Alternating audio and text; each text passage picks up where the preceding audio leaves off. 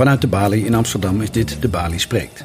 Mijn naam is Juri Albrecht, ik ben directeur van de Bali en in deze podcast duikt een Bali-redacteur in het leven en werk van een gast die een belangrijke publieke rol vervult. Wat drijft onze gast in haar werk? Waar probeert zij invloed uit te oefenen? En hoe kijkt zij naar het publieke debat?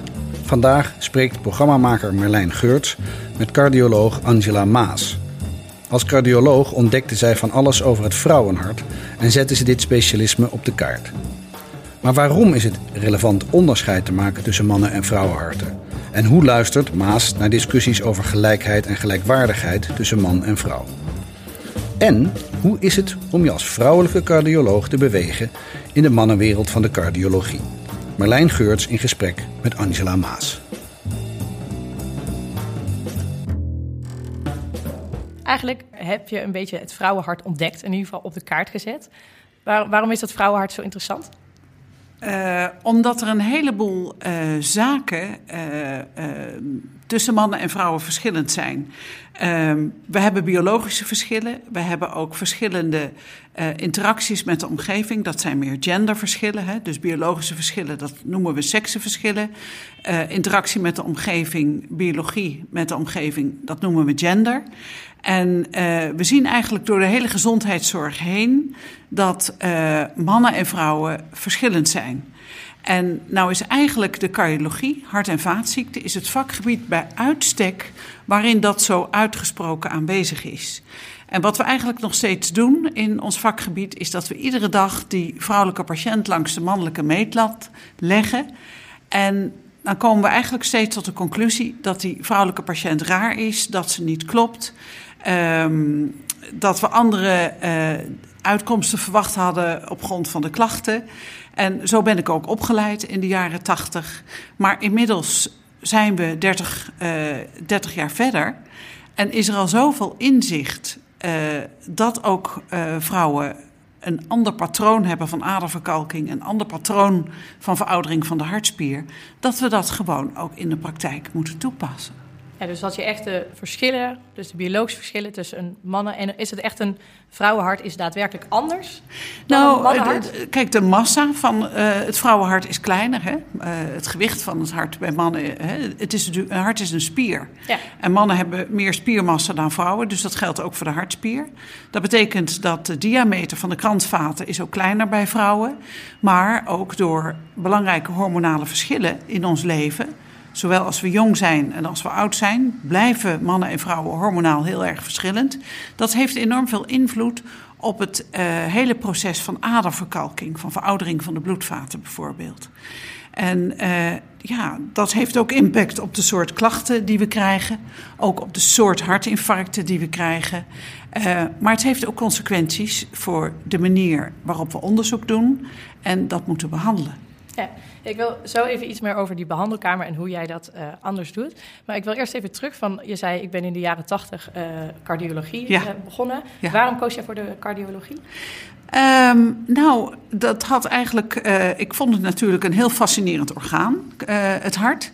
Maar ik dacht zelf een beetje van ja, uh, er waren vooral grote mannelijke boegbeelden die waren cardioloog. En ik dacht een beetje van ja, dat is zo ingewikkeld, dat ga ik nooit kunnen.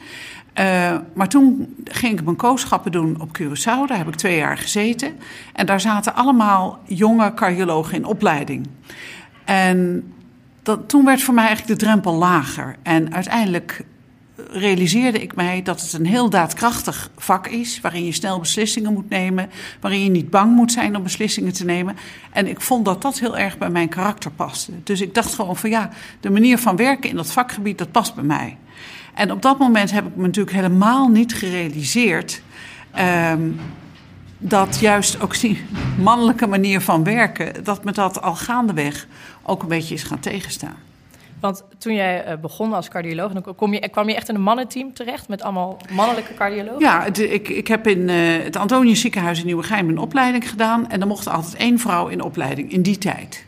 Dat en waarom geluk... één? Omdat dat, uh... Nou, de excuustrus, hè? Ja. Uh, die, die, die, die hadden we toen nog overal.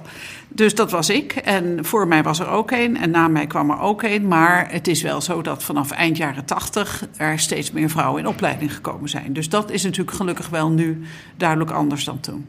En hoe um, uh, merkte je dat Want dat zijn allemaal mannen. Maar hoe merk je nou dat dat een, ook een soort mannencultuur was? Of dat je, kun je een soort van voorbeeld noemen waarvan je denkt... nou, daaruit bleek nou heel goed dat... Uh, dat het goed is dat daar vrouwen bij kwamen. Want ze hadden een soort manier van werken met elkaar. Ja. Waar je, uh... Nou, het, het, stond natuurlijk allemaal bol van seksistische grappen. Ja. Uh, ik weet bijvoorbeeld goed dat ik leerde katheteriseren. Dan moet je dus uh, met een grote injectiespuit moet je contrast in het hart spuiten.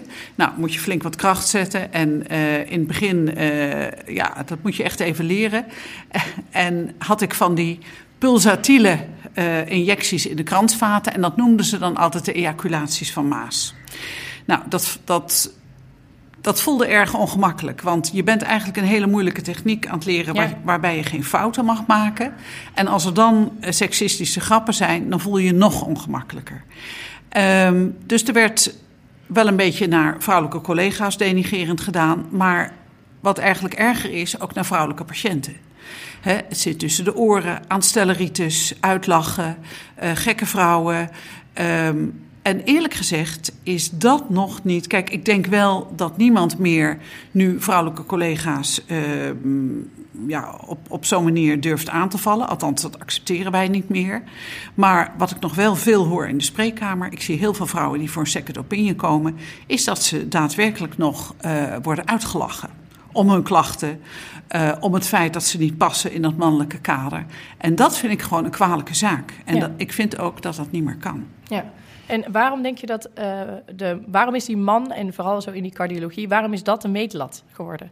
Want ik heb inderdaad misschien zelf ook dat ik, uh, als ik denk aan hartkwalen, dan denk je snel aan de mannen die op het voetbalveld een, hart, een, een, Ja. een hartklacht Ja. krijgen. En dan denk ik minder snel misschien inderdaad Ja. aan vrouwen. Ja, nou in zekere zin is dat ook terecht. Want als je kijkt bijvoorbeeld naar eh plotse hartdood eh, bij jonge sporters, dan is die kans veel groter voor mannen om dat te krijgen dan vrouwen. Ja. Dus in onze optiek klopt het ook wel dat het veel vaker mannen zijn. Maar we moeten natuurlijk de hartziekte niet alleen op dat terrein bekijken. Dit komt natuurlijk altijd heel erg in nieuws. Maar ook veel breder zien. En uiteindelijk zijn, uh, is de sterfte aan hart- en vaatziekten bij vrouwen al meer dan tien jaar doodsoorzaak nummer één wereldwijd. Dus onze perceptie, het idee dat we in ons hoofd hebben, dat klopt al lang niet meer met de realiteit. Alleen, dit zijn natuurlijk schokkende dingen. Als zo'n jonge voetballer ineens neervalt, ja, dat staat in alle kranten. Maar als een vrouw een gemist hartinfarct heeft, ja, dan heeft ze gewoon pech gehad. En dat, hè, als het een gewone vrouw is die niemand kent, komt dat niet in de krant. Ja. Um, dus ik, ik denk dat, we, dat er echt nog wel een strijd te voeren is voor uh, de positie van de vrouwelijke patiënt. Ja. En zeker in de cardiologie, in culturen waarin toch een beetje het stoere, het mannelijke, het technische de boventoon voert, vind ik dat uh, dat soort aspecten nog onvoldoende goed aan bod komen. Ja. En, en wat voor, was voor jou het moment dat je realiseerde van, hé, hey, er is echt een uh, belangrijk verschil, dat wordt nog helemaal niet gezien. En wij moeten die vrouwelijke patiënten die hier komen met hartklachten heel anders gaan benaderen.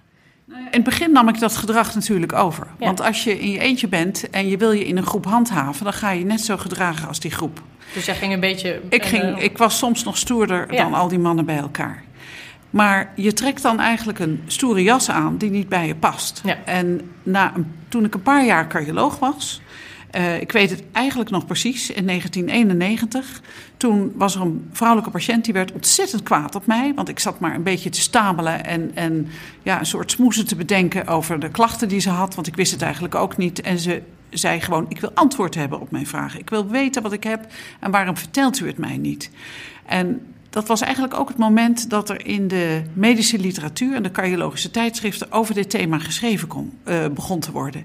Er kwam ook een eerste boek uit over het vrouwenhart.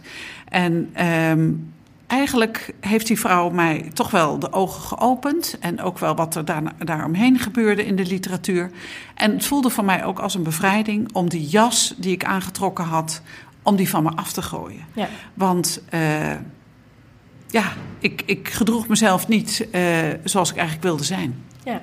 En hoe ben je met dat onderzoek begonnen? Want je zegt, eh, er waren wel, uh, kwam daar net een beetje literatuur op af, maar het was wel een soort van pionierspad wat je koos, want er, daar ja, was absoluut. niet over. Absoluut. Um, uh, ik was natuurlijk ontzettend gefascineerd door het feit dat oestrogene hormonen in ieder geval op jonge leeftijd.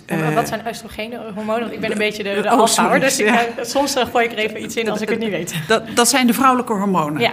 Het lijkt er een beetje op, en het is ook wel een beetje zo, dat vrouwelijke hormonen, zeker op jonge leeftijd, ons beschermen tegen hart- en vaatziekten. Ja. Als we in de overgang komen, en eigenlijk al jaren daarvoor, dan gaan die hormoonspiegels van die vrouwelijke hormonen die gaan in rap tempo naar beneden. Ja.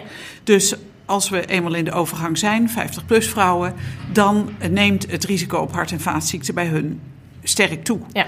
Dus op jonge leeftijd hebben die vrouwelijke hormonen een beschermend effect. En ik was toch erg gefascineerd door het feit, wat is dat dan? En ik wilde daar eigenlijk graag promotieonderzoek naar doen. Dus ik herinner me dat ik een hele, uh, ja, ik ben wel anderhalf jaar bezig geweest langs allerlei universiteiten om een hoogleraar cardiologie te vinden die mij in een promotietraject wilde begeleiden. Maar zodra je het woord hormonen noemde en dan ook nog zei van ja, maar uh, menstruatie en dat soort zaken, dus echt vrouwelijke dingen, dan wilden ze er helemaal niets meer van weten. Dus er was echt ook een beetje een afweer van ja, hormonen, ga, dan moet je bij gynaecologen wezen. Dus men wilde er niks mee. Dus ik, heb een beetje een vergeefse zoektocht in het begin gedaan. Misschien heb ik het ook wel niet goed aangepakt. Maar op een gegeven moment in 1997, dus toen was ik al een aantal jaren met het thema bezig. Toen kreeg ik de kans om uh, uh, de Nederlandse onderzoeker te worden in een groot wereldwijd onderzoek. En dat is voor mij zelf de kapstok geweest waaraan ik mijn proefschrift heb kunnen hangen, waarmee ik mijn wereldwijde netwerk heb kunnen vergroten, waarmee ik mijn kennis heb kunnen vergroten en waar ik eigenlijk nu uh, nog iedere dag heel veel profijt van heb. Dus dat is voor mij zelf de grote stap voorwaarts geweest. Ja. En want je, net zei je eigenlijk iets. Uh, zei van bij vrouwen is er nog steeds al tien jaar wereldwijd zijn die hart- en vaatziekten uh, doodsoorzaak nummer ja. één. Waarom, waarom staat er niet met koeienletters op de voorpagina van de krant. Ik had het nog nooit gehoord. Ik, zou, ik had er ook niet. Uh, uh, als ik aan een doodsoorzaak bij vrouwen denk, zou ik daar misschien echt niet meteen bij aan denken. Nou ja, het gekke is, ook als je het aan dokters zelf vraagt. We hebben een aantal jaar geleden het aan cardiologen gevraagd. Ja. En op een, een, vergadering van de Nederlandse Vereniging voor Cardiologie, er was maar een kwart van de cardiologen die dat überhaupt wist.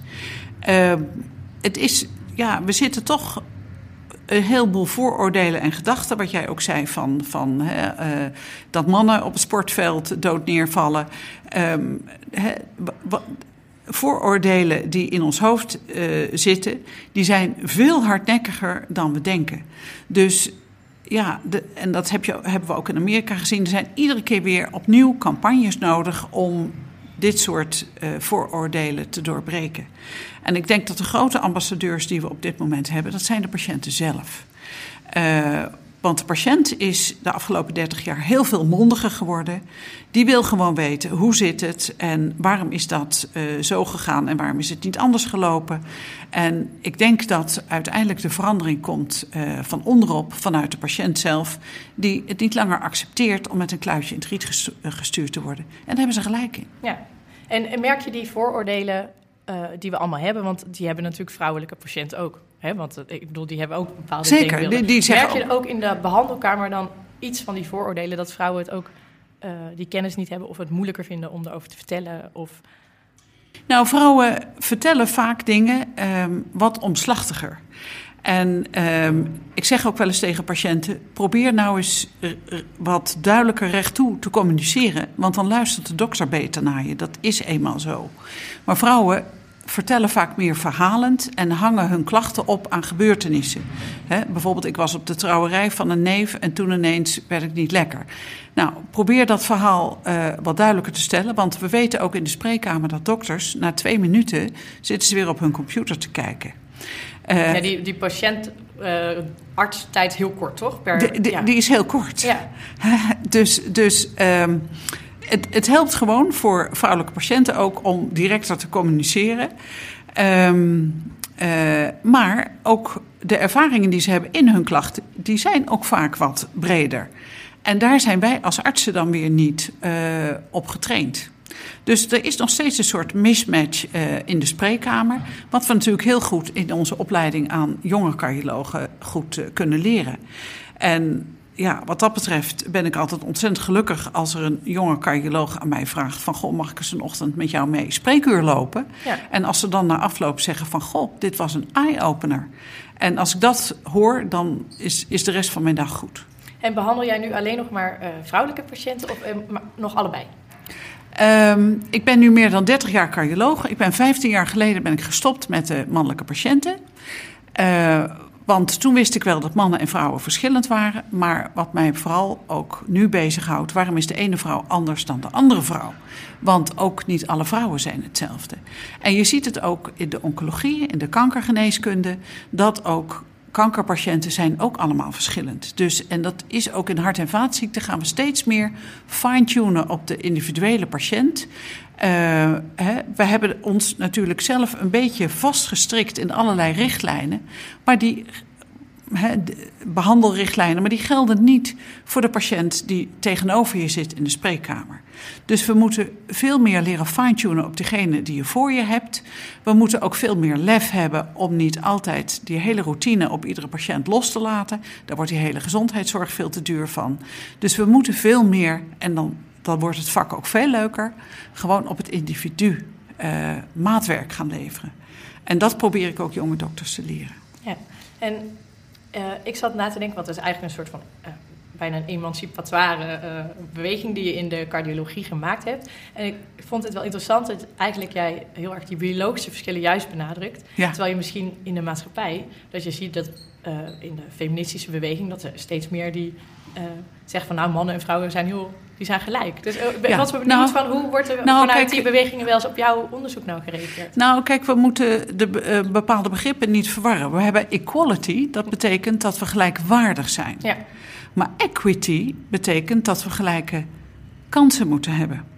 En ehm, eh, eh, dus dat betekent soms dat je om een gelijkwaardige behandeling te geven, juist het verschil moet maken.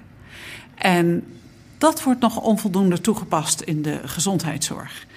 Dus ehm, ja, er zijn van die leuke plaatjes die dat heel mooi weergeven. Hè? Als je bijvoorbeeld aan gehandicapten en kinderen en oude mensen met rugklachten allemaal dezelfde soort fiets geeft. Dan benadeel je kinderen, want die kunnen niet bij de trappers. Gehandicapten uh, kunnen niet bij de trappers. Maar als je ze allemaal een fiets geeft die bij hun past. Dus kinderen geef je een kleinere fiets.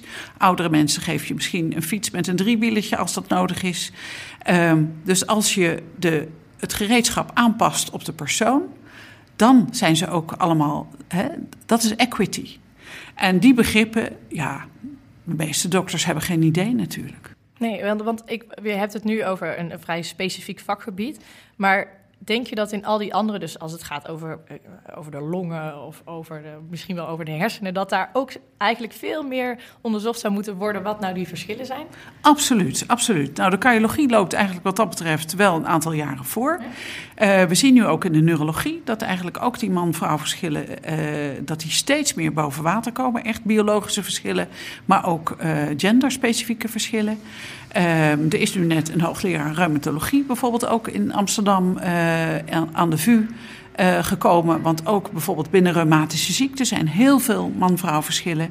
En het is eigenlijk binnen allerlei vakgebieden in de gezondheidszorg, ook in de psychiatrie, emoties, stress, uh, depressies, dat soort zaken. Heel veel relevante man-vrouw verschillen, waarbij we gewoon de patiënt veel beter tot hun recht laten komen als we dat verschil maken, daar waar het relevant is. En, wat denk je nou dat voor de allerbelangrijkste reden is waarom we zo hardnekkig die verschillen de hele tijd niet willen erkennen in al die vakgebieden? Nou ja, ik hoor nog steeds vaak van collega's van uh, voor mij zijn alle patiënten gelijkwaardig. Ik wil niet discrimineren. Maar daar gaat het al lang niet meer om. Het gaat niet om discriminatie, maar om de beste zorg voor iedereen. Ja, en dus dat is eigenlijk, dus misschien wel omdat we in, buiten die maatschappij om de hele tijd uh, zeggen van we willen die gelijkheid en die gelijkwaardigheid misschien een beetje verwarren met elkaar. Precies, dat ja. wordt de hele tijd door elkaar gehaald. Ja. En uh, ja, daarmee doe je toch aan heel veel uh, individuen en, en, settings waarin die functioneren, doe je geen recht. Ja. Uh, we kunnen natuurlijk niet uh, ja, toiletten hebben voor honderd soort, verschillende soorten mensen. Dus ja. dat, dat is natuurlijk ook weer niet praktisch. Nee. Um, maar ja, ik, ik denk binnen de zorg kunnen we toch nog wel wat uh, kwaliteitsslagen maken. Ja. En wat is, want jij zegt van ja, ik ben in de jaren tachtig begonnen. Dus ondertussen zijn er denk ik al veel meer vrouwelijke cardiologen. Wat is nou de les, belangrijkste les die je aan zo'n nieuwe generatie doorgeeft om dit vakgebied, om die echt die stap te maken? Om dat nou, ik, ik, ik, ik zou willen benadrukken dat die vrouwspecifieke cardiologie, dat dat niet alleen voor vrouwelijke cardiologen ja, is. is ook voor jonge mannelijke natuurlijk. Exact, want het, het, is geen vrouwendingetje. Nee. Want alle cardiologen zien vrouwen op het spreekuur. En alle cardiologen zouden zich bewust moeten zijn van de relevante verschillen die er zijn. En daar ook daadwerkelijk uh, uh, zinvol mee om moeten gaan. Ik merk dat de jongere generatie daar uiteraard veel meer open voor staat. Um, er is natuurlijk nu ook meer, uh, veel meer gegevens dan er 30 jaar geleden waren.